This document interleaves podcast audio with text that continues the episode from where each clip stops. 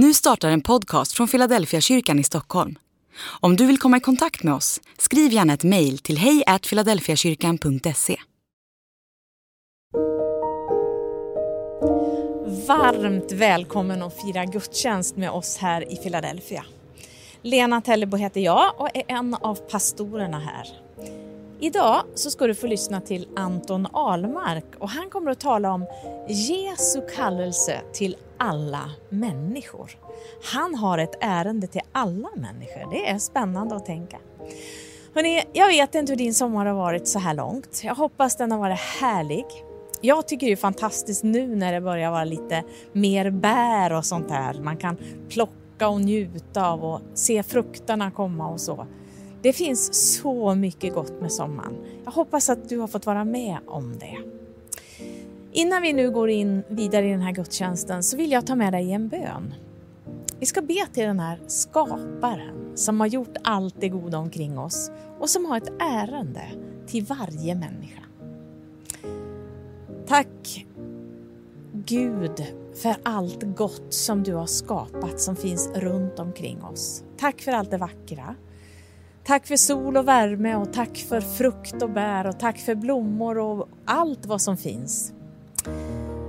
Tack också för att du har ett ärende till varje människa. Tack för att du älskar alla och du vill alla någonting. Jesus, jag ber att vi ska kunna lyssna med ett öppet sinne, med ett lyssnande öra idag och lyssna till vad du har att säga. Jesus, jag ber om din välsignelse över var och en som är med i den här gudstjänsten. I Jesu namn. Amen.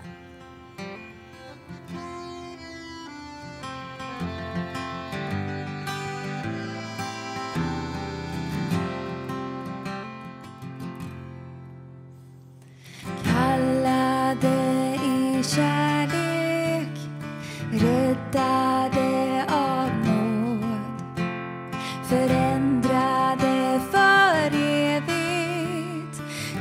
Jesus gör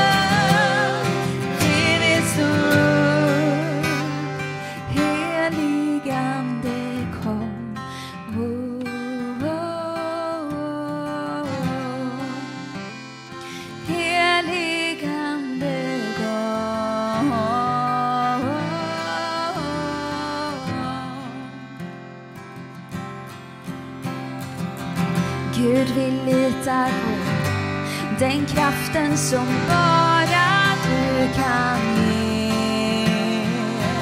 När du leder oss så går vi i din frimodighet. Gud, vi litar på den kraften som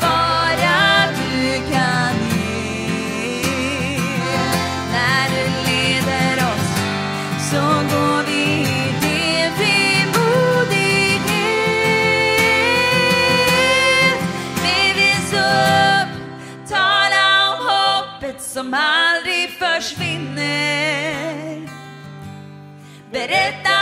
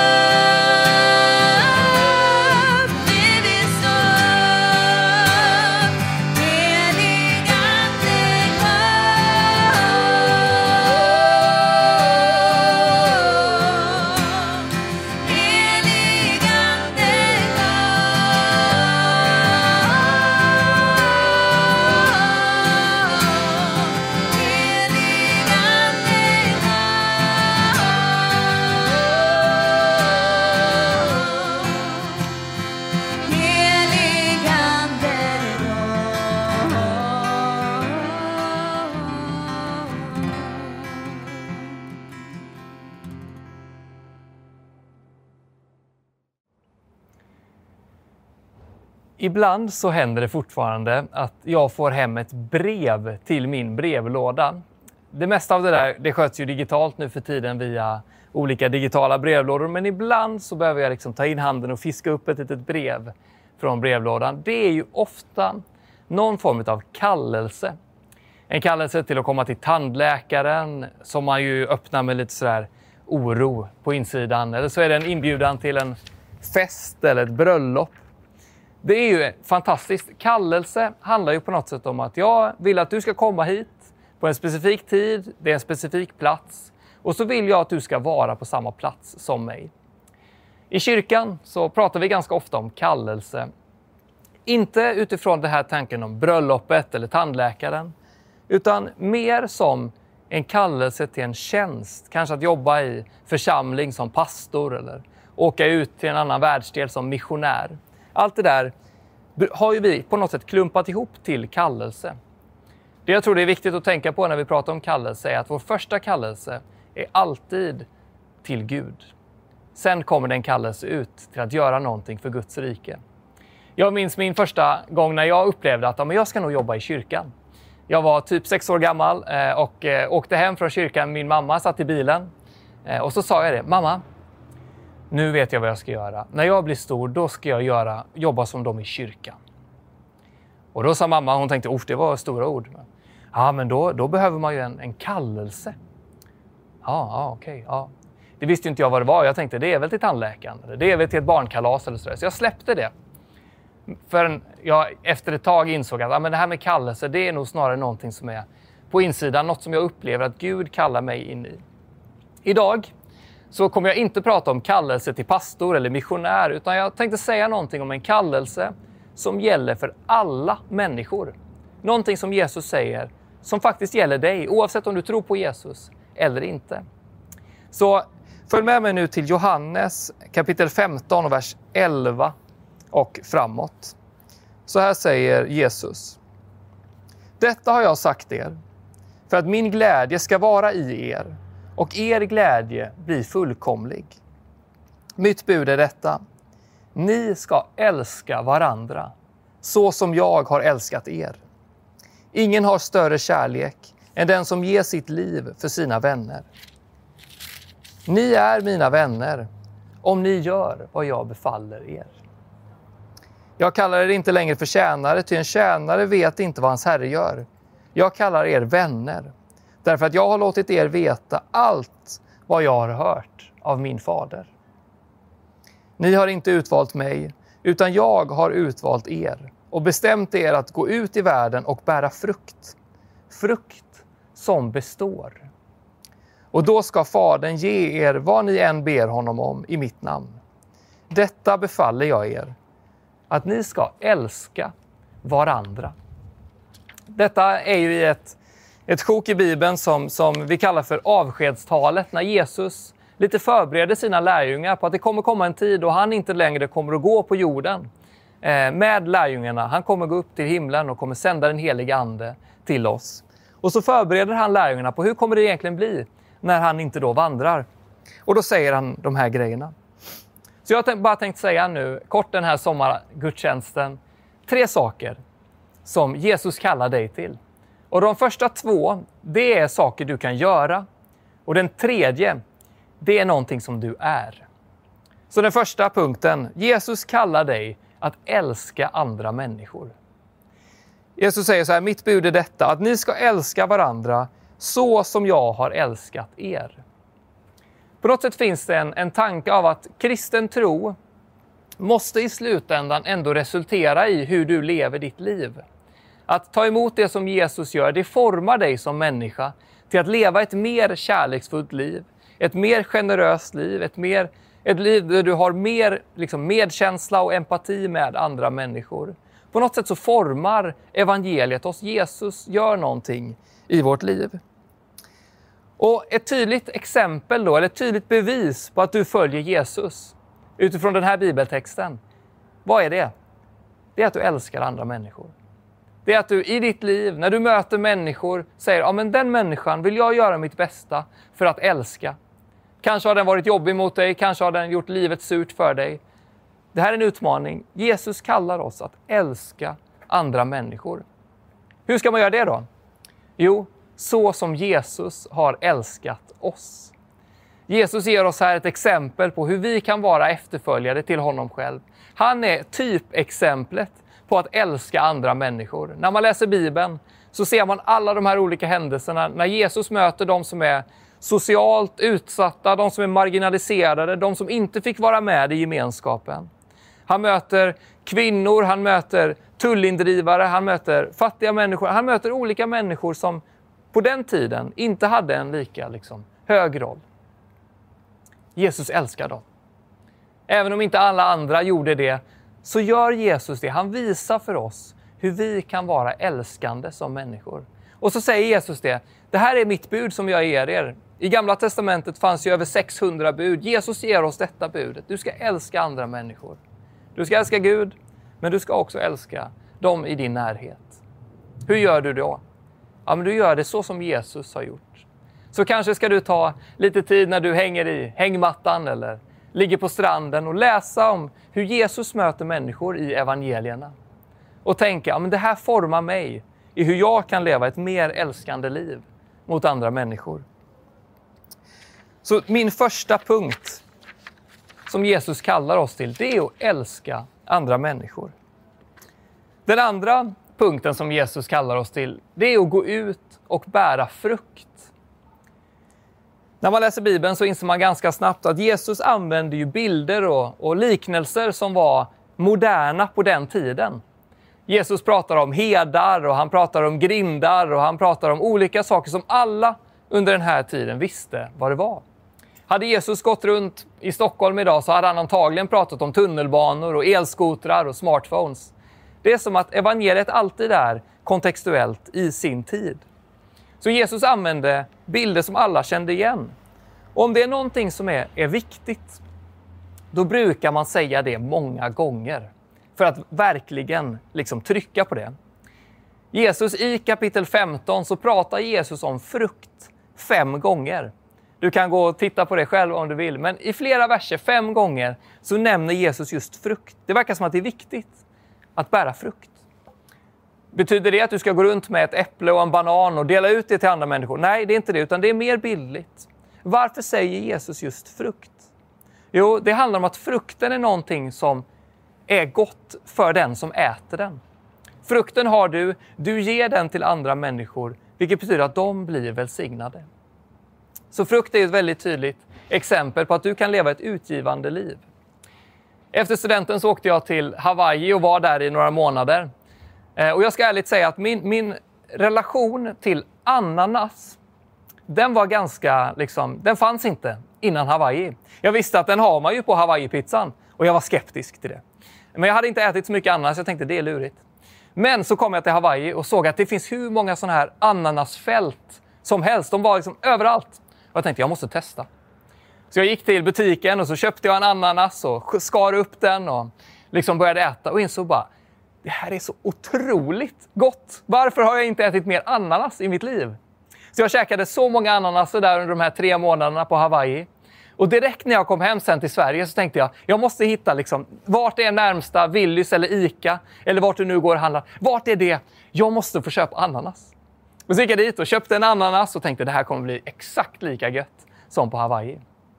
Det jag slogs av, det var att ananasen smakade annorlunda i Sverige jämfört med på Hawaii. Det var som att ju närmare källan jag kom, ju godare blev det. När ananasen, du vet, ni vet ju hur det där är, den ska ju färdas från en plats och åka på någon båt och fraktas hela vägen.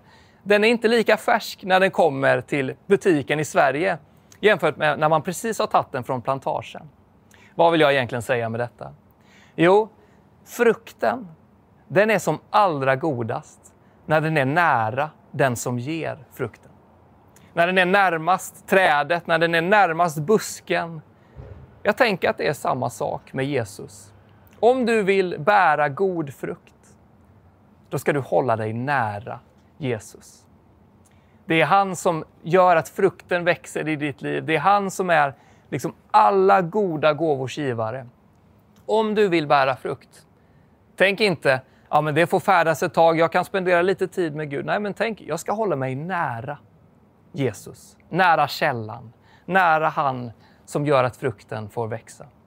Så Jesus säger först, du ska älska andra människor. Nummer två, du ska bära frukt. De här är ju ganska nära varandra.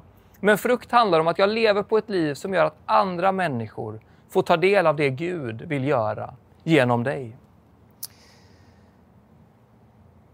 Nummer tre. Jesus kallar dig för sin vän. Första punkten, Jesus kallar dig att älska andra människor. Nummer två, Jesus kallar dig att bära frukt. Och nummer tre, vilket är någonting som vi är, Jesus kallar dig för sin vän. Han säger, jag kallar er inte längre för tjänare. För en tjänare vet inte om vad ens herre gör. Jag kallar er för vänner. Jag tänker det finns ju många olika relationer. Vi kan ha relationer till kollegor, vi kan ha bekanta. Det hade ju kunnat vara rimligt ändå att Jesus hade sagt, nu kallar jag er för kollegor, för vi ska sprida Guds rike tillsammans. Men han gör inte det. För en kollega, det handlar ju om att du går in och levererar och gör ett jobb. Han säger inte heller, jag kallar er för bekanta. Varför säger inte Jesus det? Nej, för att han säger, ni är mina vänner. Att vara vän med någon är en mycket närmare relation än en kollega eller en bekant. Jesus säger, du är inte en tjänare för mig. Du ska inte bara utföra ett uppdrag. Nej, jag bryr mig faktiskt om hur du har det. Så om du finns här som känner ja men kristen tro, det är bara göra, det är bara prestera. Då skulle jag vilja säga, nej, Jesus vill inte att du ska vara en kollega till honom bara. Eller så säger du, ja, men det här med kristen tro, det känns långt bort. Det är inte nära. Ja, jag skulle vilja utmana den tanken och säga, Jesus vill faktiskt vara en nära vän till dig. Vad ska du göra då för att förtjäna det? Ja, du ska egentligen bara säga Jesus, jag vill vara din vän. Jag vill ta emot dig i mitt liv. Så här säger Jesus i avslutningen här. Ingen har större kärlek än den som ger sitt liv för sina vänner. Jesus förkroppsligar detta på ett väldigt tydligt sätt. När han låter sig spikas upp på ett kors, när han dör och när han sedan uppstår. Han dör för sina vänner. Vilka är de här vännerna? Ja, men jag inser, det är ju du och jag. Vi som tar, tagit emot Jesus, vi som vill leva i en relation med Jesus.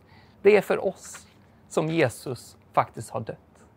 Han gör det för att han älskar dig så otroligt mycket.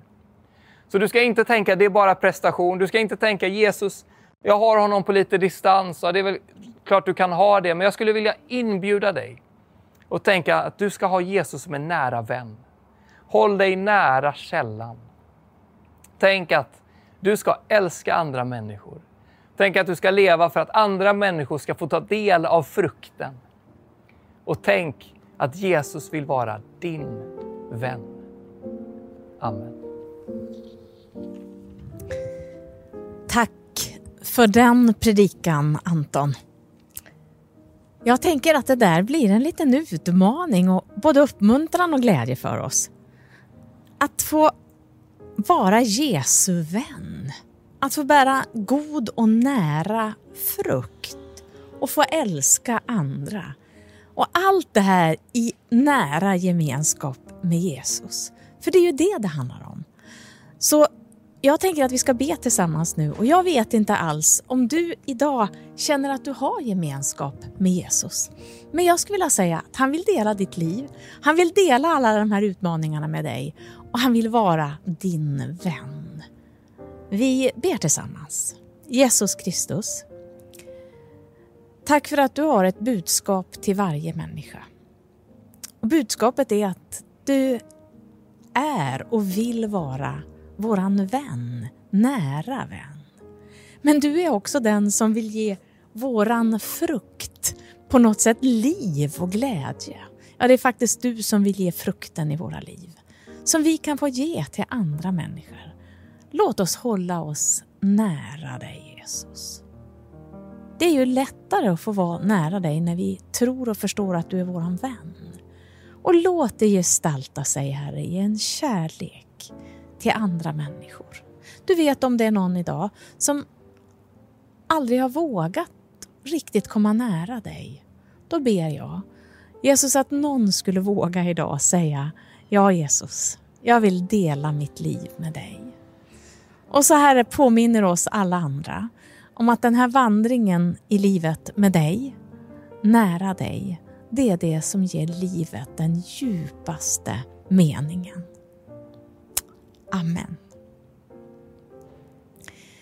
Jesu kallelse till alla människor, så också till dig. Och nu vill jag också ge dig av Guds välsignelse som också är tänkt just för dig. Så öppna ditt hjärta och ta emot Herrens välsignelse. Herren välsigne dig och bevare dig. Herren låter sitt ansikte lysa över dig och vara dig nådig. Herren vänder sitt ansikte till dig och giver dig sin frid. I Faderns, Sonens och den helige Andes namn. Amen.